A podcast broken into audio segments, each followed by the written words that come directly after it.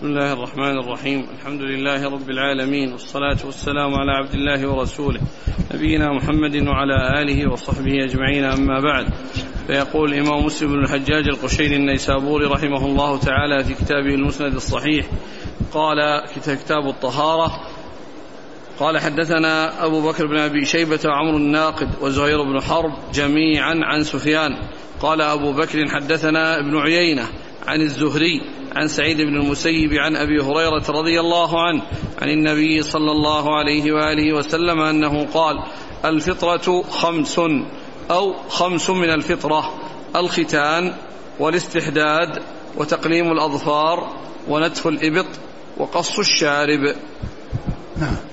قال حدثني أبو الطاهر وحرملة بن يحيى قال أخبرنا ابن وهب قال أخبرني يونس عن ابن شهاب عن سعد بن عن سعيد بن المسيب عن أبي هريرة رضي الله عنه عن رسول الله صلى الله عليه وآله وسلم أنه قال الفطرة خمس الاختتان والاستحداد وقص الشارب وتقليم الأظفار ونتف الإبط. بسم الله الرحمن الرحيم. الحمد لله رب العالمين. وصلى الله وسلم وبارك على عبده ورسوله نبينا محمد وعلى آله وأصحابه أجمعين. أما بعد فهذه الأحاديث التي أوردها مسلم رحمه الله تتعلق بخصال الفطرة والفطرة فسرت بأنها السنة وفسرت بأنها الدين وقيل إنها أيضا من, من, سنن الأنبياء والمرسلين عليهم الصلاة والسلام. وقد ذكر حديث أبي هريرة من طريقين آه، مشتملين على ذكر الخمس من الفطرة وهي الاختتان وقص الشارب ونتف الأبط وتقليم الأظهار والاستحداد. والاختتان يكون يعني للرجل وكذلك يكون للمرأة ولكنه في حق الرجل يعني متأكد بل هو واجب وذلك لأن توقف الطهارة يكون عليه يعني على الاختتام لأن لأنه إذا بقيت الغلفة التي على رأس الذكر دون ختان فإن البول يعني يكون فيها بعد خروجه من مخرجه يعني يكون فيها فإذا أزيلت هذه الغلفة التي على رأسه فإن أن, أن, أن الطهارة تتحقق ويطمئن إليها بخلاف ما إذا بقيت بدون اختتان. فهي في حق الرجال يعني آه، واجبة. وأما في حق النساء فإنه يختلف عما يتعلق بالرجال من حيث الطهارة ولا وهي مستحبة ولكنها ليست ليست بواجبة بخلاف ما يتعلق بالرجال فإنها تتوقف عليها الطهارة وإزالتها فيه آه، الطهارة وعدم وجود النجاسة خارج وعدم وجود النجاسة خارج خارج الذكر بأن تكون في هذه الغلفة والاستحداد هو حلق العانة وقيل له استحداد لأنه إزالتها بالحديدة التي هي الموسى التي هي الموسى. إزالة الشعر الذي حول القبل وكذلك الدبر كل ذلك يزال و وهو من من خصال الفطرة كما جاء في هذا الحديث. وكذلك تقليم الأظفار وكذلك قص قص الشارب ونتف الإبط. ونتف الإبط يعني يكون بالنتف إذا تيسر وإن لم يتيسر فإنه لا بأس بحلقه فإنه لا بأس بحلقه إذا كان فيه مشقة. وكان فيه مضرة فيما يتعلق بالنتف. هذا هو الأصل ولهذا جاءت الأحاديث في ذكر النتف. ولكن إذا كان فيه مشقة فإنه يزال يزال بالحلق. وقال في الحديث الأول خمس من الفطرة خمس وقال خمس من الفطرة وهذا شك من من من الراوي. هل قال كذا أو قال كذا؟ وسيأتي بعد ذلك حديث أنس بن مالك الذي فيه ذكر عشر وقال إنها عشر من الفطرة وذكر هذه الخمس أو ذكر بعض هذه الخمس وذكر يعني غيرها. نعم. قال حدثنا أبو بكر بن أبي شيبة وعمر الناقد وزهير بن حرب عن سفيان. سفيان بن عيينة. قال أبو بكر حدثنا ابن عيينة عن الزهري عن سعيد بن المسيب عن أبي هريرة. نعم. قال حدثني أبو الطاهر وحرملة بن يحيى عن ابن وهب. عبد الله بن وهب. عن يونس عن ابن شهاب. يونس بن يزيد الأيلي. عن سعيد بن المسيب عن أبي هريرة. نعم. قال حدثنا يحيى بن يحيى وقتيبة بن سعيد كلاهما عن جعفر. قال يحيى أخبرنا جعفر بن سليمان عن أبي عمران الجوني عن أنس بن مالك رضي الله عنه أنه قال قال أنس وقت لنا في قص الشارب وتقليم الأظفار ونتف الإبط وحلق العانة ألا نترك أكثر من أربعين ليلة. ثم ذكر هذا الحديث عن أنس رضي الله عنه قال وقت لنا في نتف الإبط وتقليم الأظفار وقص الشارب وحلق العانة ألا ندع ذلك أكثر من أربعين ليلة. والمقصود من هذا أن هذا هو الحد النهائي الذي لا يصلح تجاوزه. وأما كونه يؤتى به قبل ذلك فإن ذلك سائغ بل مطلوب وإنما هذا التوقيت بحيث لا يتجاوزه ولا يتعداه الإنسان. ولكن كونه يأتي به قبل ذلك يعني هذا يعني آه، مطلوب ولا يعني ولا ولا يمنع الحديث. وإنما الحديث ذكر النهاية وأنه لا يزاد على أربعين. ولكن إذا حصل قبل ذلك فإن هذا طيب وجيد ولا ولا مانع منه. فيقول وقت لنا يعني في هذه الأمور ألا نترك ذلك أكثر من أربعين ليلة أو أربعين يوما.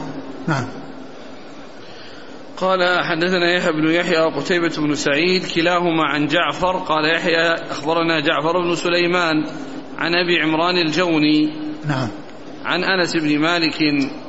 قال حدثنا محمد بن المثنى قال حدثنا يحيى عن ابن سعيد حا قال حدثنا ابن نمير قال حدثنا أبي جميعا عن عبيد الله عن نافع عن ابن عمر رضي الله عنهما عن النبي صلى الله عليه وسلم أنه قال أحفوا الشوارب وأعفوا اللحى. ثم ذكر عدة أحاديث تتعلق بإحفاء بإحفاء بإحفاء بإحفاء الشوارب وإعفاء اللحى. وإعفاء إعفاء اللحى يعني إبقاؤها يعني وتوفيرها. وقد جاء ذلك في روايات متعددة. يعني هي الإرخاء والإيفاء والتوفير وال والإرخاء. يعني أربع, أربع, أربع صيغ أو أربع كلمات كلها جاءت بها السنة عن رسول الله عليه الصلاة والسلام وهي مؤداها واحد وهي أنها تترك ولا يتعرض لها لا بحلق ولا بتقصير. وإحفاء الشوارب قيل إن المقصود به أنه آه، يعني ليس استئصاله وأنه يكون مثل مثل الحلق مثل الحلق يعني بحيث يكون بالموس وإنما يكون بالقص ويكون بالجز وتبقى أصوله. وبعض أهل العلم يجيز أن يحلق يجيز أن يحلق ولكن المشهور الذي جاء في بعض الروايات قال جزوا في التعبير بجزوا وهذا يفيد بأنه لا يستأصل. يفيد بأنه لا يستأصل. وهذا من سنن الفطرة. بل إن إعفاء اللحى من سنن المرسلين كما جاء في قصة هارون وموسى. قال ابن عمر لا تأخذ بلحيتي ولا برأسي. في سورة طه. وقد ذكر شيخنا الشيخ محمد الأمين الشقيطي رحمة الله عليه عند تفسير هذه الآية في سورة طه قال وهذا يدل على أن إعفاء اللحى من سنن المرسلين من سنن المرسلين. وقال أن آه، نبينا محمد عليه الصلاة والسلام كان كث اللحية ووجهه أجمل الوجوه عليه الصلاة والسلام. ثم قال إن الذين آه، فتحوا بلاد فارس وأتوا وأخذوا كنوز كسرى ليس فيهم رجل حالق. يعني كلهم أصحاب لحى كلهم أصحاب لحى إن الصحابة الذين فتح الله عليهم البلاد ودخل الناس في دين الله وذهبوا إلى بلاد آه، الفرس وإلى بلاد الروم يعني يقاتلون في سبيل الله ويدعون الناس إلى آه، الدخول في الإسلام والخروج من الظلمات إلى النور. قال إنه ليس فيهم رجل حالق. يعني هذا وصفهم وهذا شأنهم والذين آه، آه، جاهدوا أنفسهم أولا ثم جاهدوا أعداءهم. يعني هذا حالهم وهذه وهذا ديدنهم وطريقتهم رضي الله تعالى عنهم وأرضاهم. قال إنه ليس فيهم رجل حالق لأنهم كانوا كلهم يعفون اللحى. وإعفاء اللحى توفرت فيه آه، وجوه السنة التي تثبت بها السنة لأن السنة تثبت بثلاثة أمور. بأقواله صلى الله عليه وسلم وبأفعاله وتقريراته. بأقواله صلى الله عليه وسلم وبأفعاله وتقريراته. هذه الطرق التي تثبتها السنة. فالقول أو أن يقول صلى الله عليه وسلم شيئا بلسانه ويتكلم به والفعل بأن يفعله والتقرير بأن يرى أصحابه أو يرى أحدا من أصحابه يفعلون شيئا ويقرهم على ذلك. وهذه الأمور الثلاثة اجتمعت في إعفاء اللحى. فالرسول عليه الصلاة والسلام كان كث اللحية وهذا فعله عليه الصلاة والسلام. وكان وجاءت في هذه الأحاديث أو الشوارب وأعفو اللحى بألفاظ متعددة وأيضا أصحابه كذلك أصحاب لحى وذوي لحى والنبي صلى الله عليه وسلم يراهم ويقرهم على ذلك. ووجوه إثبات السنة اجتمعت في إعفاء اللحية. ولهذا يقول المحدثون في علم علوم الحديث في بيان السنة أو الحديث قالوا الحديث ما أضيف إلى النبي صلى الله عليه وسلم من قول أو فعل أو تقرير. ما أضيف إلى النبي عليه الصلاة والسلام من قول أو فعل أو تقرير أو وصف خلقي أو خلقي أو وصف خلقي أو خلقي يعني كبيان خلقته عليه الصلاة والسلام وأنه ربعة من الرجال ليس بالطويل البائن ولا بالقصير وكذلك أخلاقه يعني من الجود والكرم والإحسان. والحلم و وغير ذلك من من من من, من أخلاقه الكريمة صلوات الله وسلامه وبركاته عليه. اذا إعفاء اللحى اجتمعت فيه الأمور الثلاثة التي تثبت بها السنة. نعم. قال حدثنا محمد بن المثنى عن يحيى عن ابن سعيد يحيى بن سعيد القطان. قال حدثنا ابن نمير عن أبيه. ابن نمير محمد بن عبد الله بن نمير. عن أبيه عبد الله بن نمير. جميعا عن عبيد الله عن نافع عن ابن عمر. عبيد الله بن عبيد الله بن عمر العمري المصغر. نعم. وأخوه عبد الله بن عمر المكبر. هذا ثقة وذاك ضعيف. قال وحدثناه قتيبة بن سعيد عن مالك بن أنس عن أبي بكر بن نافع عن أبيه عن ابن عمر رضي الله عنهما عن النبي صلى الله عليه وسلم أنه أمر بإحفاء الشوارب وإعفاء اللحية. نعم. قال حدثنا قتيبة بن سعيد عن مالك بن أنس عن أبي بكر بن نافع نعم. عن أبيه عن ابن عمر. نعم. قال حدثنا سهل بن عثمان قال حدثنا يزيد بن زريع عن عمر بن محمد قال حدثنا نافع عن ابن عمر رضي الله عنهما قال قال رسول الله صلى الله عليه وسلم خالفوا المشركين أوفوا أعفوا أحفوا الشوارب وأوفوا اللحى ثم ذكر هذا الحديث كل هذا الحديث عن ابن عمر طرق متعددة وفي هذا خالف المشركين. يعني أن في آه، إعفاء اللحى مخالفة المشركين وكذلك أيضا يعني آه، عدم التشبه بالنساء. وحلقها في تشبه بالكفار وتشبه بالنساء. فقد قال عليه الصلاة والسلام لعن الله المشبهين من الرجال بالنساء والمشبهات من النساء بالرجال. فحلق اللحى فيه تشبه بالنساء بأن يكون مثلهن في الخلقة يعني لا شعر في وجوههن. وفيه أيضا مشابهة المشركين التي أشار إليها ابن عمر أو ذكرها ابن عمر في حديثه عن رسول الله عليه الصلاة والسلام في هذه الرواية. نعم. قال حدثنا سهل بن عثمان عن يزيد بن زريع عن عمر بن محمد عن نافع عن ابن عمر. نعم عمر محمد بن زيد بن عبد الله بن عمر. نعم.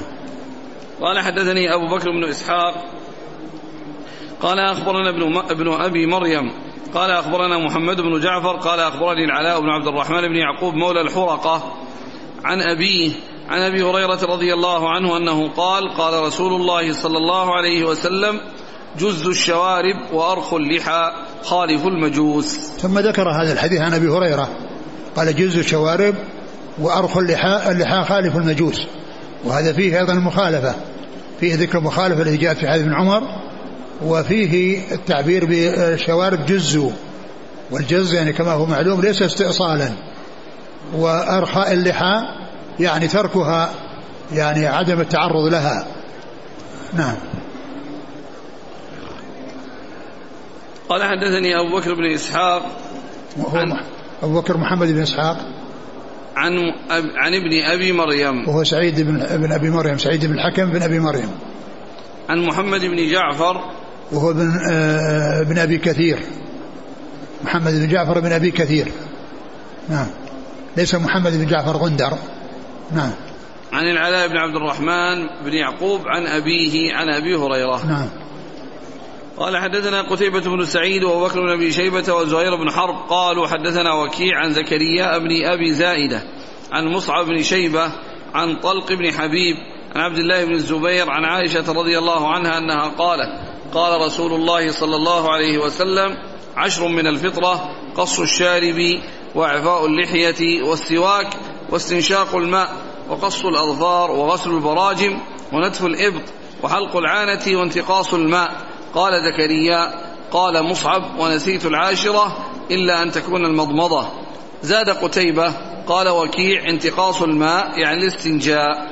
ثم ذكر هذا الحديث عن أنس وفيه ذكر خصال الفطرة وأنها وأن منها عشر وهناك ذكر خمس في حديث أبي هريرة وهنا ذكر عشرا وقال إنها من الفطرة يعني معناها أنها أكثر من عشر. ثم ذكر هذه العشر وهي مشتملة على الذي تقدم في حديث أبي هريرة. ما عدا الختان فإنه يعني ليس موجودا في هذا في حديث أنس. قال خمس من عشر من, من عشر من الفطرة. ها؟ إيش؟ عشر من الفطرة. نعم. الحديث. قص الشارب وإعفاء اللحية قص الشارب وإعفاء اللحية والسواك. نعم. واستنشاق الماء وقص الأظفار واستنشاق الماء الذي هو يعني في في الوضوء. يعني وكذلك ورد أن أن أن الإنسان إذا استيقظ من الليل أنه يعني يستنشق الماء في منخريه وأن الشيطان يبيت على خيشومه. نعم. واستنشاق الماء. وقص الأظفار وغسل البراجم. وقص وغسل البراجم والبراجم هي ال ال ال ال ال التي يكون فيها ملتقى ال ال الأصابع التي هي الأنامل. فإن الذي يفصل بينها يقال له براجم. ولهذا يعني تحتاج إلى أنها يعني تنظف وأنها تغسل. نعم. ونتف الإبط. ونتف الإبط. وحلق العانة. وحلق العانة وكلها راحت هذه نعم. وانتقاص الماء. وانتقاص الماء قيل هو الاستنجاء. قال ونسيت. قال مصعب ونسيت العاشرة. إلا أن تكون المضمضة. قال يعني كأنه أراد المضمضة لأن الاستنشاق ذكر ولم تذكر المضمضة.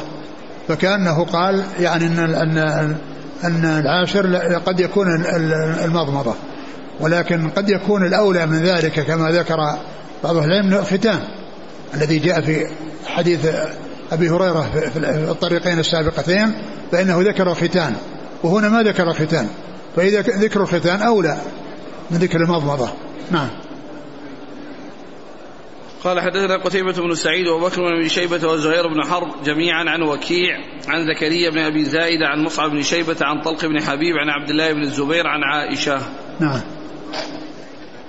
قال وحدثناه أبو كريب قال أخبرنا ابن أبي زايدة عن أبيه عن مصعب بن شيبة في هذا الإسناد مثله غير أنه قال قال أبوه ونسيت العاشرة. نعم.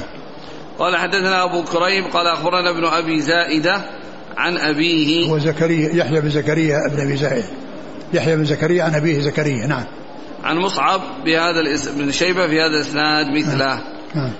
قال رحمه الله تعالى حدثنا أبو بكر بن شيبة قال حدثنا أبو معاوية ووكيع عن الأعمش. ها قال وحدثنا يحيى بن يحيى واللفظ له. قال أخبرنا أبو معاوية عن الأعمش عن إبراهيم عن عبد الرحمن بن يزيد عن سلمان رضي الله عنه قال قيل له قد علمكم نبيكم صلى الله عليه وسلم كل شيء حتى الخراءة قال فقال أجل. لقد نهانا أن نستقبل القبلة لغائط أو بول أو أن نستنجي باليمين أو أن نستنجي بأقل من ثلاثة أحجار أو أن نستنجي برجيع أو بعظم. ثم ذكر هذه الأحاديث المتعلقة بال بال بما يحصل به بما لا يسوغ استعماله في الاستنجاء عند قضاء الحاجة. وذكر حديث سلمان هذا الذي قال له بعض المشركين أن نبيكم علمكم كل شيء حتى القراءة. والمقصود من ذلك يعني علمهم الآداب التي تتعلق عند قضاء الحاجة. فقال سلمان أجل يعني نعم علمنا هذا وهذا يدل على كمال الشريعة. يعني إذا كانت الشريعة جاءت مبينة حتى أحكام قضاء الحاجة فهذا يدل على شمولها وعلى عمومها واستيعابها وعلى كفايتها وأنها كاملة. لا نقص فيها. ما دام أن, أن, أن حتى آداب قضاء الحاجة جاءت مبينة فإذا الأمور الأخرى التي هي أهم منها هي مبينة من باب أولى. ولهذا لما قال له بعض المشركين علمكم نبيكم يعني حتى القراءة والمقصود بالقراءة يعني ما يحصل عند عند قضاء الحاجة. ليس ما يحصل عند قضاء الحاجة. فقال نعم أجل يعني نعم. علمنا إيش قال؟ نهانا؟ لقد نهانا أن نستقبل القبلة لغائط أو بول. نهانا أن نستقبل هذا من الآداب أنهم لا يستقبلون القبلة يعني عند غائط ولا بول. يعني سواء يعني يقضي حاجته من أي السبيلين فإنه جاء النهي في ذلك عن رسول الله عليه الصلاة والسلام. نعم. نستقبل القبلة في غائط أو بول. أو أن نستنجي باليمين. أو أن نستنجي باليمين. يعني يكون الاستنجاء باليسار. لأن الأشياء التي فيها ملامسة النجاسة أو التعرض لملامسة النجاسة إنما يكون باليسار. لا يكون باليمين. فالاستنجاء لا يكون باليمين. بل اليمين تصان وتطهر وتحفظ من أن تتعرض لأن تلوث. وإنما هذا من شأن اليسار. وهذا من من من من, من فعل اليسار. اليد اليسرى وليس من فعل اليد اليمنى لأن اليمنى تكون في الأمور الشريفة والأمور الطيبة. وأما الأمور التي فيها استقدار فإنها من شأن اليسار. ولهذا الامتخاط يكون باليسار لا يكون باليمين. والاستنجاء يكون باليسار لا يكون باليمين. نعم. أو أن نستنجي بأقل من ثلاثة أحجار. أو أن نستنجي بأقل من ثلاثة أحجار. يعني كما سبق أن مرت الأحاديث من من استجمر فليوتر وأقل الوتر هو ثلاثة أحجار. يعني أحجار يعني يعني يمسح عليها بيده اليسرى حتى يعني يخرج أو حتى يزول أثر الخارج يعني من من من أحد السبيلين. نعم وقد مر أن أن أنها تكون وترا وأن أقلها ثلاث هنا كما هنا أقلها ثلاث. نعم. أو أن نستنجي برجيع أو بعظم. أو أن نستنجي برجيع أو عظم. أن نستنجي برجيع أو عظم. الرجيع يعني يعني ينقسم إلى قسمين. رجيع الآدمي أو ما حرم أكله كالحمير. رجيع الحمار فإن هذا لا يستنجى به لأن هذا نجس. والنجس لا تزال لا تزال به النجاسة أو لا تخفف به النجاسة فلا يستعمل. وإما وإما أن يكون يعني من شيء طاهر مأكول اللحم فهذا أيضا لا يستنجى به.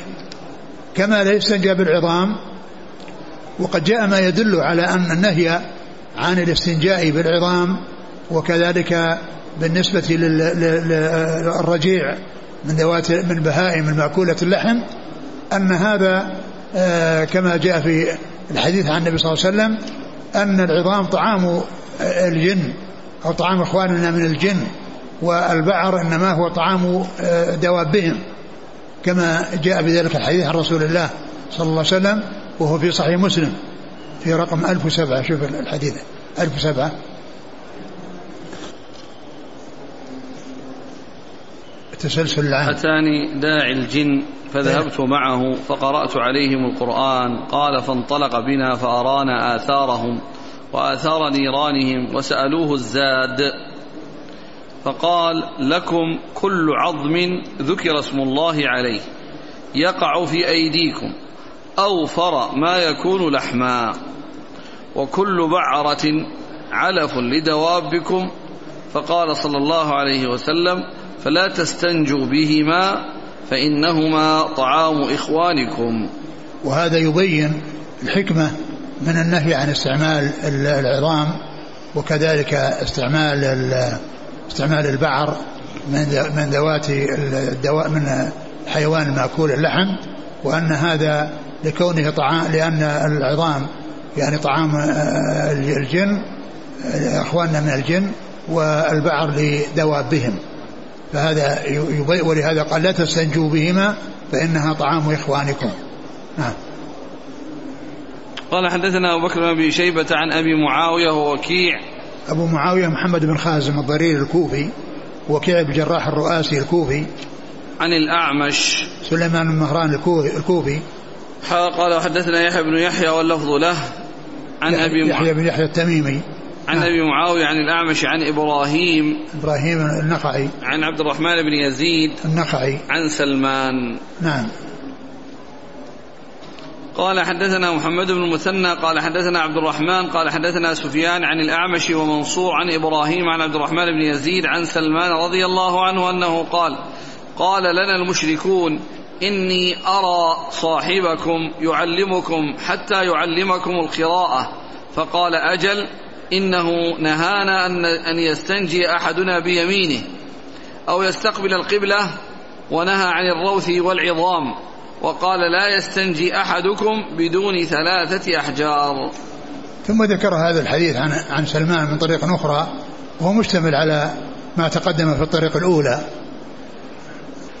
قال حدثنا محمد بن مثنى عن عبد الرحمن بن مهدي عن سفيان الثوري عن الأعمش ومنصور بن معتمر عن إبراهيم عن عبد الرحمن بن يزيد عن سلمان. نعم. قال حدثنا زهير بن حرب قال حدثنا روح بن عبادة قال حدثنا زكريا بن إسحاق قال حدثنا أبو الزبير أنه سمع جابرا رضي الله عنه يقول نهى رسول الله صلى الله عليه وسلم أن يتمسح بعظم أو ببعر. ثم ذكر الحديث عن جابر أن هنا أن يتمسح يعني يستنجى بعظم أو ببعر. يعني بالبعر مطلقة إن كان من مأكول اللحم فلأنه طعام الجن. وإن كان يعني من محرم الأكل كالحمار فإنه نجس. ولا تستعمل النجاسة لإزالة النجاسة. نعم. قال حدثنا زهير بن حرب عن روح بن عبادة عن زكريا بن إسحاق عن أبي الزبير. محمد بن مسلم بن تدرس. عن جابر. نعم. قال وحدثنا زهير بن حرب بن نمير قال حدثنا سفيان بن عيينة قال حد قال وحدثنا يحيى بن يحيى واللفظ له. قال قلت لسفيان بن عيينة سمعت الزهري يذكر عن عطاء بن يزيد الليثي عن أبي أيوب أن النبي صلى الله عليه وسلم قال إذا أتيتم الغائط فلا تستقبلوا القبلة ولا تستدبروها ببول ولا غائط ولكن شرقوا أو غربوا قال أبو أيوب فقدمنا الشام فوجدنا مراحيض قد بنيت قبل القبلة فننحرف عنها ونستغفر الله. قال نعم. ثم ذكر هذا الحديث عن أبي أيوب الأنصاري رضي الله عنه الذي فيه النهي عن استقبال القبلة واستدبارها يعني ببول أو غائط وقال شرقوا أو غربوا. وهذا في حق من كان عن مكة من جهة الشمال أو عن مكة من جهة الجنوب. فإن هؤلاء يشرقون أو يغربون لأنهم بذلك لا يستقبلون القبلة ولا يستدبرونها. وإنما يستقبلون الغرب والشرق والقبلة يعني ما دام أنهم عنها من جهة الجنوب وعنها من جهة الشمال فإنهم لا يستقبلون القبلة بكونهم يشرقون أو يغربون. لكن من كان على غير الجهات أو غير الجهتين مثل جهة الغرب فإن فإن حكمهم يختلف. فهؤلاء يعني يجنبون ويشملون. يعني يتجه يعني يتجهون إلى إلى جهة غير غير الكعبة. يعني ما كان من جهة الشرق وما كان من جهة الغرب. عنها يتجهون إلى الشمال أو الجنوب. وأما الذين آه، عنها من جهة الشمال أو الجنوب فيتجهون إلى الغرب. ولهذا قال شرقوا أو غربوا. فهذا اللفظ خاص بالمدينة وما كان على سمتها أو كان من الجهة الأخرى المقابلة من جهة الجنوب. فكل هؤلاء يشرقون ويغربون. قال أبو أيوب الأنصاري راوي الحديث فقدمنا الشام ووجدنا مراحيض قد بنيت نحو الكعبة فننحرف عنها ونستغفر الله. يعني معناه أن أبا سعيد أبا أيوب رضي الله عنه يرى أنه لا يستقبل يعني لا في البنيان ولا في غير البنيان وأنه لما وجدوا مراحيض بنيت آه، نحو الكعبة صاروا ينحرفون حتى يعني لا حتى لا يكونوا مستقبلين الكعبة. حتى لا يكونوا مستقبلين الكعبة. ف وقد جاء كما سيأتي عن ابن عمر أنه كان رأى النبي صلى الله عليه وسلم يقضي حاجته على على بيت أو في سطح بيت حفصة رضي الله عنها مستقبل الشام مستدبر القبلة. فقال بعض أهل العلم أنه ما كان في داخل البنيان فإنه يجوز أن يكون يعني يعني يتجه إلى جميع الجهات لكن الذي ينبغي الذي ينبغي والذي آه، على الذي ينبغي للناس أن يفعلوه إذا وضعوا آه، اتجاه يعني المراحيض أن لا يجعلوها متجهة إلى القبلة وإنما يجعلونها من الجهات الأخرى التي لا يكون فيها اتجاه ولا استدبار القبلة. يعني هذا هو الذي ينبغي. ولكن إذا وجد شيء من ذلك فإنه يجوز استعماله لأنه جاء عن رسول الله عليه الصلاة والسلام أنه فعله. في حديث ابن عمر الذي سيأتي وهذا الحديث فيه العرض الذي سبق أن مر بنا في حديث قريب وهو أن آه، محمد الحسن بن خراش قال إيش؟ من الذي قال عن سفيان بن عيينة؟ الذي قال آه، أخبركم قال حدثنا زهير بن حرب بن نمير قال حدثنا سفيان بن عيينة حا قال وحدثني حدثنا يحيى بن أبي يحيى واللفظ له قال قلت لسفيان بن عيينة من هو؟ يحيى بن يحيى نعم يحيى بن يحيى الذي هو شيخ مسلم قال قلت لسفيان بن عيينة أحدثكم أو أخبركم ثم ذكر الإسناد والمتن وفي الآخر قال فأقر به فأقر به يعني أنه أقر بهذا العرض الذي عرضه عليه وكما ذكرت فيما مضى إن الإقرار به ليس بمتعين ولكنه لا شك أنه الأولى. قد ليس متعين إذا كان المحدث والشيخ متيقظا متنبها لما يقرأ عليه. نعم. قال وحدثنا زهير بن حرب بن نمير عن سفيان بن عيينة حا قال وحدثنا يحيى بن يحيى واللفظ له. قال قلت لسفيان بن عيينة سمعت الزهري يذكر عن عطاء بن يزيد الليثي عن أبي أيوب في آخره قال نعم. نعم. قال وحدثنا أحمد بن الحسن بن خراش. نعم. قال حدثنا عمر بن عبد الوهاب قال حدثنا يزيد يعني من زريع قال حدثنا روح عن سهيل عن عن القعقاع. عن أبي صالح عن أبي هريرة رضي الله عنه عن رسول الله صلى الله عليه وسلم أنه قال إذا جلس أحدكم على حاجته فلا يستقبل القبلة ولا يستدبرها. ثم هذا ذكر هذا الحديث. إذا جلس على قبل إذا جلس أحدكم آه على حاجته. إذا جلس أحدكم على حاجته يعني حاجته. والمقصود هنا إذا أراد أن يجلس. لأن لأن الإنسان عندما يريد أن يجلس لقضاء الحاجة لا يستقبل القبلة ولا يستدبرها إذا جلس يعني أراد أن يجلس فلا يستقبل بأن يتجه إلى جهة أخرى غير القبلة. لا يستقبل ولا يستدبر القبلة وإنما يكون للجهة الأخرى مثل ما تقدم في حديث أيوب شرقوا أو غربوا نعم. قال حدثنا أحمد بن الحسن بن خراش عن عمر بن عبد الوهاب عن يزيد يعني بن زريع عن روح. ابن عبادة. عن سهيل. روح روح ابن عبادة. عن سهيل. هو ذكر هو ظهر روح ابن عبادة. نعم. نعم. عن سهيل, بن أبي صالح. عن القعقاع. ابن حكيم. عن أبي صالح. ذكوان السمان. عن أبي هريرة. نعم. قال حدثنا عبد الله بن مسلمة بن قعنب. قال حدثنا سليمان يعني بن بلال عن يحيى بن سعيد عن محمد بن يحيى عن عمه واسع بن حبان. قال كنت أصلي في المسجد وعبد الله بن عمر مسند ظهره إلى القبلة. فلما قضيت صلاتي انصرفت إليه من شقي فقال عبد الله يقول, يقول ناس إذا قعدت للحاجة تكون لك فلا تقعد مستقبل القبلة ولا بيت المقدس. قال عبد الله ولقد رقيت رقيت على ظهر بيت فرأيت رسول الله صلى الله عليه وسلم قاعدا على لبنتين مستقبلا بيت المقدس لحاجته. نعم اللي بعده؟ قال حدثنا أبو بكر بن أبي شيبة قال حدثنا محمد بن بشر العبدي قال حدثنا عبيد الله بن عمر عن محمد بن يحيى بن حبان عن عمه واسع بن حبان عن ابن عمر قال رقيت على بيت أختي حفصة رأيت رسول الله صلى الله عليه وسلم قاعدا لحاجته مستقبل الشام مستدبر القبلة. وهذا حديث ابن عمر يستدل به على أن أن بأنه في البنيان يجوز ذلك لأنه رأى النبي صلى الله عليه وسلم على ظهر بيت أخته حفصة يعني على لبنتين مستقبل الشام مستدبر الكعبة. فهذا يعني يستدل به على الذين قالوا إنه لا يكون لقضاء حاجته يعني إلا يعني يكون لا يحصل منه استقبال القبلة واستدبارها. وقال إني رأيت النبي صلى الله عليه وسلم يقضي حاجته مستقبل الشام مستدبر الكعبة فاستدل به على جوازه في البنيان. نعم. الإسناد. قال حدثنا عبد الله بن مسلمة بن قعنب عن سليمان يعني بن بلال عن يحيى بن سعيد. يحيى بن سعيد عن؟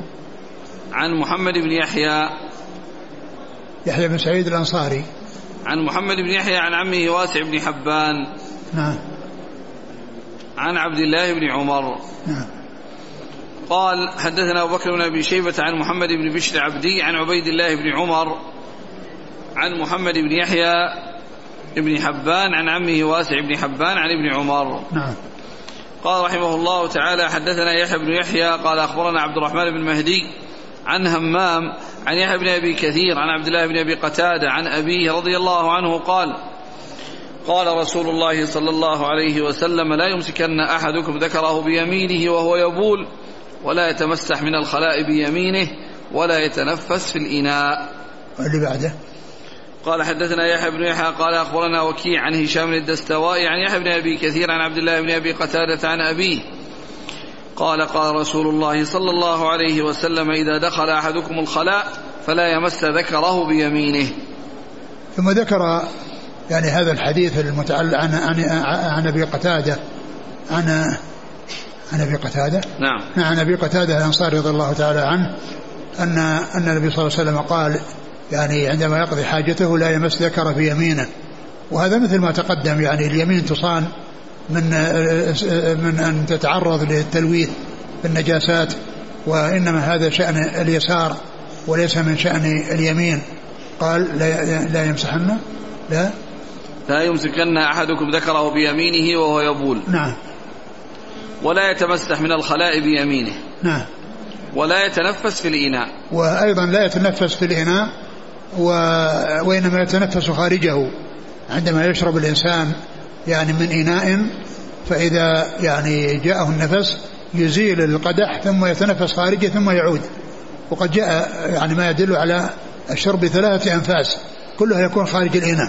وأما داخل الإناء فقد جاء النهي عنه وذلك لأنه عرضة لأن يقذره بحيث يعني يخرج من أنفه أو يخرج من فمه شيء فيقدره عليه أو على غيره ممن يعني سيشرب من هذا الإناء بعده وإنما يكون التنفس عند خارج الإناء لا في داخل الإناء.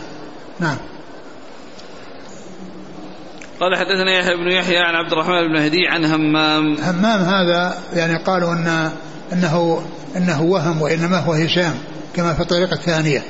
كما في الطريق الثانية. ذكر النووي الكلام في هذا وقال إن هماما يعني هذا وهم يعني ممن دون مسلم. وذكر عن بعض العلماء أنه عز إلى صحيح مسلم يعني الحديث وفيه هشام في المر في الموضعين. يعني هشام الدستوائي في الطريقة الأولى والثانية. نعم شوف كلام النووي. يقول هكذا في هو في الأصول التي رأيناها في الأول همام عن يحيى بن أبي كثير والثاني هشام وأظن الأول تصحيفا وأظن الأول تصحيفا من بعض الناقلين. عن مسلم فإن البخاري والنسائي وأظن الأول تصحيفا؟ نعم, نعم. من بعض الناقلين عن مسلم. أي نعم. فإن البخاري والنسائي وغيرهما من الأئمة رواه عن هشام الدستوائي. كما رواه مسلم في الطريق الثاني وقد أوضح ما قلته الإمام الحافظ أبو محمد خلف الواسطي. فقال رواه مسلم عن يحيى بن أبي عن يحيى بن يحيى. عن عبد الرحمن بن مهدي عن هشام وعن يحيى بن يحيى عن وكيع عن هشام عن يحيى بن أبي كثير. فصرح الإمام خلف بأن مسلما رواه بالطريقين عن هشام الدستوائي. فدل هذا على أن هماما بالميم تصحيف. وقع في نسخنا ممن بعد مسلم. الله أعلم. لأن هذا اللي هو خلف الواسطي هو عزاه إلى مسلم. وذكر فيه هشام في الموضعين. يعني وذكر فيه هشام في الموضعين. نعم. نعم عن همام عن عن يحيى بن أبي كثير نعم. عن عبد الله بن أبي قتادة عن أبيه. نعم. قال حدثنا يحيى بن يحيى عن وكيع عن هشام الدستوائي عن يحيى بن أبي كثير عن عبد الله بن قتادة عن أبيه. نعم. قال حدثنا ابن أبي عمر قال حدثنا الثقفي. عن أيوب عن يحيى بن أبي كثير عن عبد الله بن أبي قتادة عن أبي قتادة رضي الله عنه. أن النبي صلى الله عليه وسلم نهى أن يتنفس في الإناء وأن يمس ذكره بيمينه وأن يستطيب بيمينه. وهذا مثل الذي قبله أن يمس ذكره بيمينه وأن يتنفس في الإناء وأن يستطيب بيمينه يعني يستنجي لأن الاستطابة هي المقصود بها الاستنجاء. نعم. قال حدثنا ابن أبي عمر عن الثقفي هو عبد الوهاب بن عبد المجيد الثقفي. عن أيوب. بن أبي تميم السختياني عن يحيى بن أبي كثير عن عبد الله بن أبي قتادة عن ابيه نعم. قال وحدثنا يحيى بن يحيى التميمي. قال أخبرنا أبو الأحوص عن أشعث عن أبيه عن مسروق عن عائشة رضي الله عنها أنها قالت إن كان رسول الله صلى الله عليه وسلم لا يحب التيمن في طهوره إذا تطهر وفي ترجله إذا ترجل.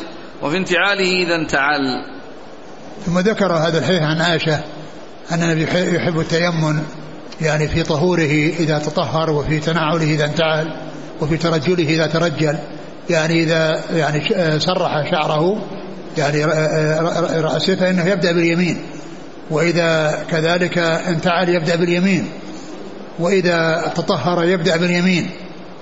ومعنى ذلك أن اليمين هي تستعمل في الأمور التي فيها تطهير وفيها يعني يعني إكرام لليمين وأن الأمور الأخرى التي يعني بخلاف ذلك تكون لليسار.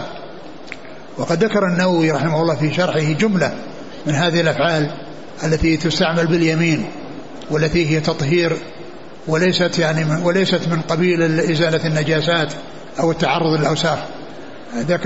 ذكر منها السواك. لأنه أنه يستعمل باليمين لأنه من قبيل التطهير. شوف كلامه ذكر أشياء كثيرة سردها. قولها كان صلى الله عليه وسلم يحب التيمن في طهوره إذا تطهر وفي ترجله إذا ترجل وفي انتعاله إذا انتعل. هذه قاعدة مستمرة في الشرع.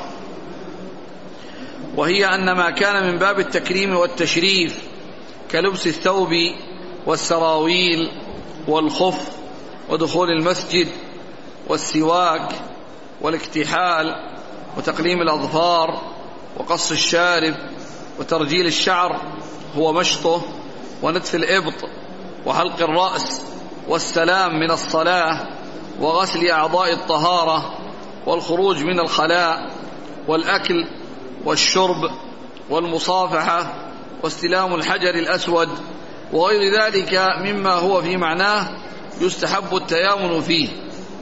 وأما ما كان بضده كدخول الخلاء والخروج من المسجد والامتخاط والاستنجاء وخلع الثوب والسراويل والخف وما أشبه ذلك فيستحب التياسر فيه.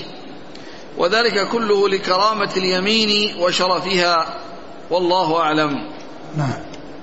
وأجمع العلماء على أن تقديم اليمين على اليسار من اليدين والرجلين في الوضوء سنة. لو خالفها فاته الفضل وصح وضوءه. وهذا إجماع لو بدأ باليد اليسرى قبل اليمنى في الوضوء يعني صح ولكنه خلاف الأولى ولكن أجمع العلماء على صحة وضوءه. وكذلك لو غسل الرجل الرجل اليسرى قبل اليمنى فأجمعوا على صحة وضوءه. مع مخالفة الأولى. نعم. وقد ثبت في سنن أبي داود والترمذي وغيرهما بأسانيد جيدة عن أبي هريرة رضي الله عنه أن رسول الله صلى الله عليه وسلم قال إذا لبستم وتوضأتم فابدأوا بأيمانكم. فهذا نص في الأمر بتقديم اليمين ومخالفته مكروهة أو محرمة. وقد انعقد إجماع العلماء على أنها ليست محرمة. فوجب أن تكون مكروهة. ثم اعلم أن من أعضاء الوضوء ما ليس فيه التيامن وهو الأذنان والكفان والخدان بل يطهران دفعة واحدة. يعني اليمنى لليمنى واليسرى لليسرى. اليمين اليمين لليمنى واليسار لليسار يعني يمسح أذنه اليمنى في الوقت اللي يمسح أذنه اليسرى. وكذلك غسل يعني جانبي الوجه. يعني كل يد تشتغل مما مما يليها. نعم. فإن تعذر ذلك كما في حق الأقطع ونحوه قدم اليمين. نعم. اللي ما له يد واحدة. نعم. قال حدثنا يحيى بن يحيى التميمي قال أخبرنا أبو الأحوص هو سلام بن سليم الحنفي. عن أشعث. ابن أبي الشعثة أشعث بن أبي الشعثة عن أبيه وهو وهو سليم بن أسود المحاربي. عن مسروق عن عائشة. نعم. قال وحدثنا عبيد الله بن معاذ قال حدثنا أبي قال حدثنا شعبة عن الأشعث عن أبيه عن مسروق عن عائشة رضي الله عنها أنها قالت كان رسول الله صلى الله عليه وسلم يحب التيمن في شأنه كله في نعليه وترجله وطهوره. ثم ذكر هذا الحديث بطريقة أخرى عن عائشة ومثل قبله قال في شأنه كله يعني الشيء الذي يعني هو من قبيل التكريم والتشريف. هذا الذي يكون فيه التيامن. نعم. قال وحدثنا عبيد الله بن معاذ عن أبيه. معاذ بن معاذ العنبري. عن شعبة عن الأشعث عن أبيه عن مسروق عن عائشة. نعم. قال رحمه الله تعالى حدثنا يحيى بن أيوب وقتيبة وابن حجر جميعا عن إسماعيل بن جعفر. قال ابن أيوب حدثنا إسماعيل. قال أخبرني العلاء عن أبيه عن أبي هريرة رضي الله عنه. أن رسول الله صلى الله عليه وسلم قال اتقوا اللعانين. قالوا وما اللعانان يا رسول الله؟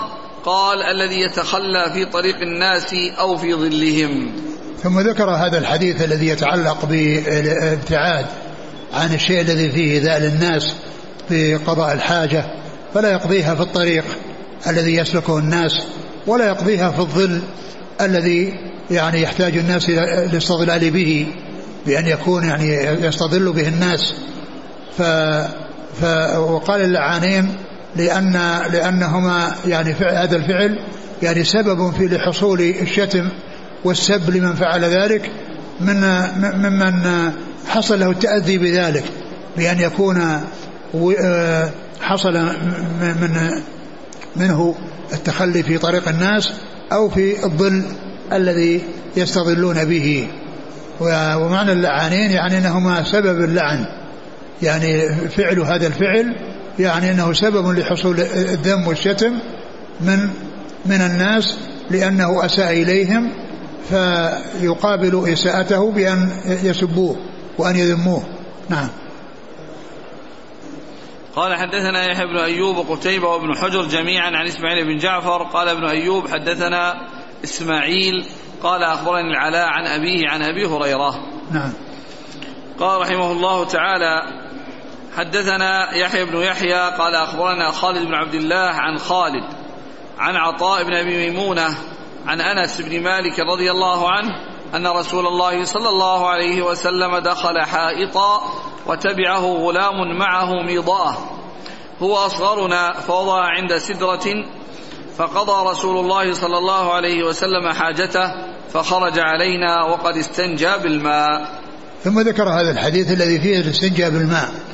سبق أن مر الاستجمار بالأحجار وهنا الاستنجاء بالماء. ومعلوم أن الاستنجاء بالماء أكمل إذا تيسر لأنه يزيل يعني يزيل النجاسة ويزيل أثرها ويزيل أثرها فيعني فهو أكمل. إذا يعني حصل الماء. والنبي عليه الصلاة والسلام كان يعني يخرج ويكون معه من من خدمه أو من الشباب الذين يخدمونه يعني أن يحملوا معه الإداوة وهي الوعاء الذي يكون فيه ماء ليستنجي فيه عند قضاء حاجته عليه الصلاة والسلام. قال إيش؟ خرج غلام. دخل, دخل. حائطا. أن صلى الله عليه وسلم دخل حائطا وتبعه غلام معه ميضاء. هو أصغرنا فوضع عند سدرة فقضى صلى الله عليه وسلم حاجته فخرج علينا وقد استنجى بالماء. نعم. قال حدثنا يحيى بن يحيى قال أخبرنا عبد الله قال أخبرنا خالد بن عبد الله. الطحان الواسطي. عن خالد. الحذاء عن عطاء بن ميمونة عن أنس بن مالك. نعم. قال وحدثنا أبو بكر بن أبي شيبة قال حدثنا وكيع وغندر عن شعبة حا قال وحدثنا محمد بن المثنى واللفظ له.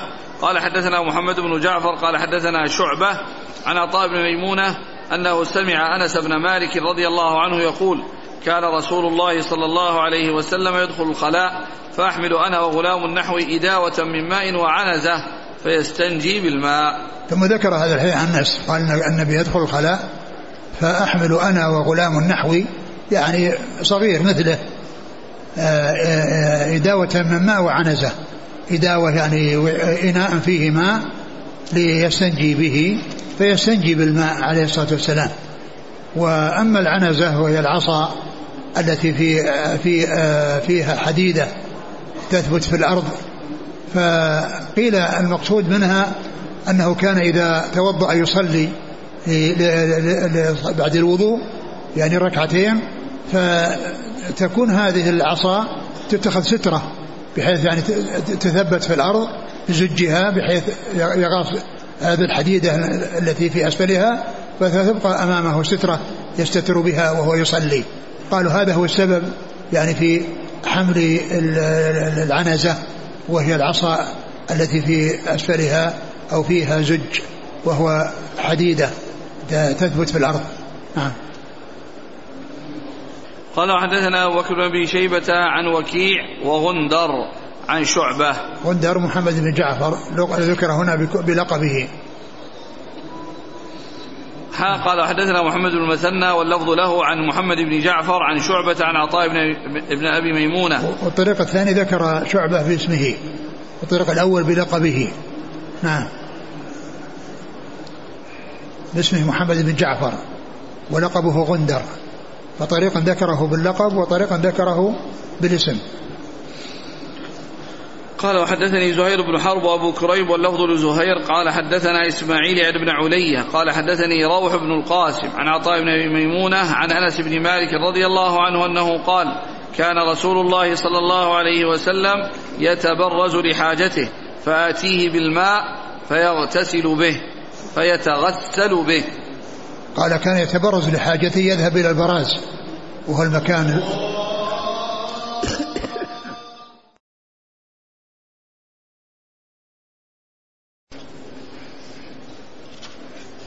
هذا الحديث عن أنس رضي الله عنه قال كان النبي يتبرز لحاجته يعني يذهب إلى البراز وهو الفضاء بأن يبتعد عن الناس فيحمل معه ماء فيتغسل به يعني يستنجي به.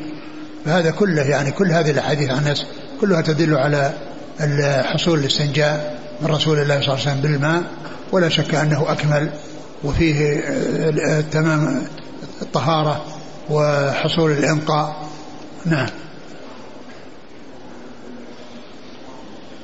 قال حدثني زهير بن حرب وأبو كريب واللفظ لزهير عن إسماعيل يعني بن علية عن روح بن القاسم عن العطاء عن عطاء بن أبي ميمونة عن أنس بن مالك. نعم.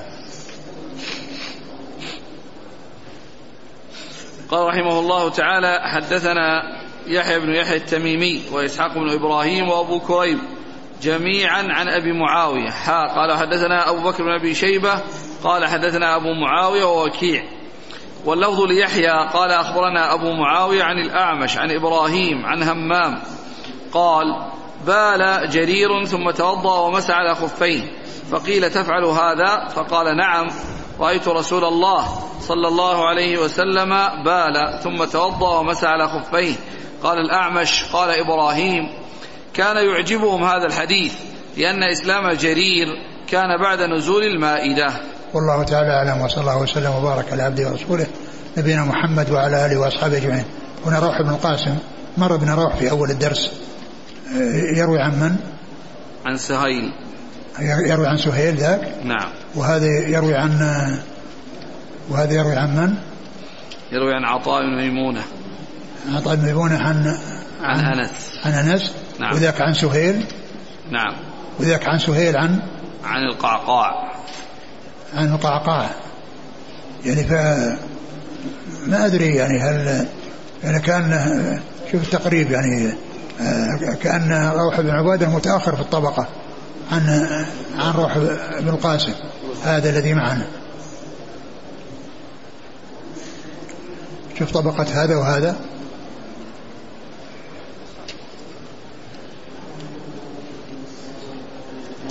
في الشيخ في البحر المحيط الثجاج لعلي آدم وروح بن القاسم التميمي العنبري. الأول. نعم.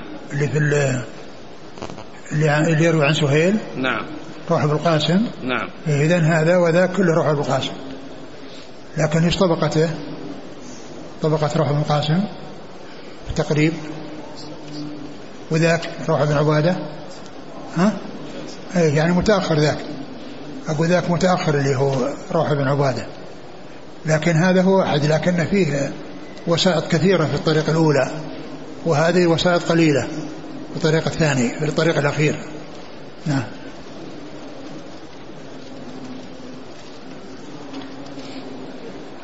يقول السائل وفقكم الله وبارك الله فيكم. أيهما يقدم عند الدخول في المنزل اليمين أو اليسار؟ والله ما نعلم عن شيء لكنه لا يعني الأمر في ذلك واسع لكن إذا قدمت اليمين فإن هذا من الأشياء التي يعني فيها تكريم لليمين لكن ما ورد فيه شيء يتعلق بمنزل الدخول والخروج منه يعني يبدأ بكذا وكذا لكن إذا بدأ باليمين طيب. هل يجوز النفخ على الطعام أو الشراب لتبريده؟ يعني أنه ورد يعني شيء يعني في هذا لكن إذا كان أنه شيء مشترك يعني النفخ مثل التنفس. إذا كان النفخ أن هذا يبي مشترك فهو يعني لا فرق بين النفخ وبين التنفس. وأما إذا كان شيئا خاصا به فأيضا يعني قد يحصل منه يعني شيء يعني ينفخ ويظهر شيئا يقدره عليه. مثل ما أن النفخ في التنفس في الإناء يقدره عليه وعلى غيره.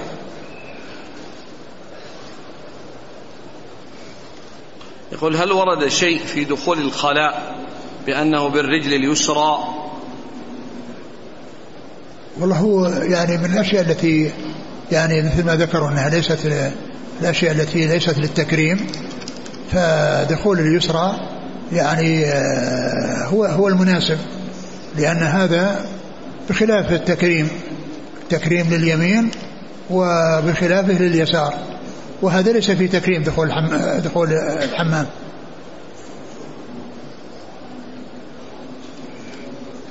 النووي ذكر هذه قاعدة يقول عامة. يعني التي أن كل ما كان من باب التكريم والتشريف اليمين وما كان بخلاف ذلك اليسار. يقول آه هناك من يقول في مسألة إعفاء اللحية المراد به مطلق الإعفاء لا الإعفاء المطلق. فيكفي أن يكون في اللحية مثل الأنملة من الشعر وينسب هذا للإمام أحمد. والله ما أدري عن صحة هذا الكلام لكن الرسول صلى الله عليه وسلم يعني كان كث اللحية وما كان يأخذ منها شيئا. ما كان يأخذ منها شيئا. والنووي رحمه الله ذكر أقوالا كثيرة ثم ختمها بكلام له.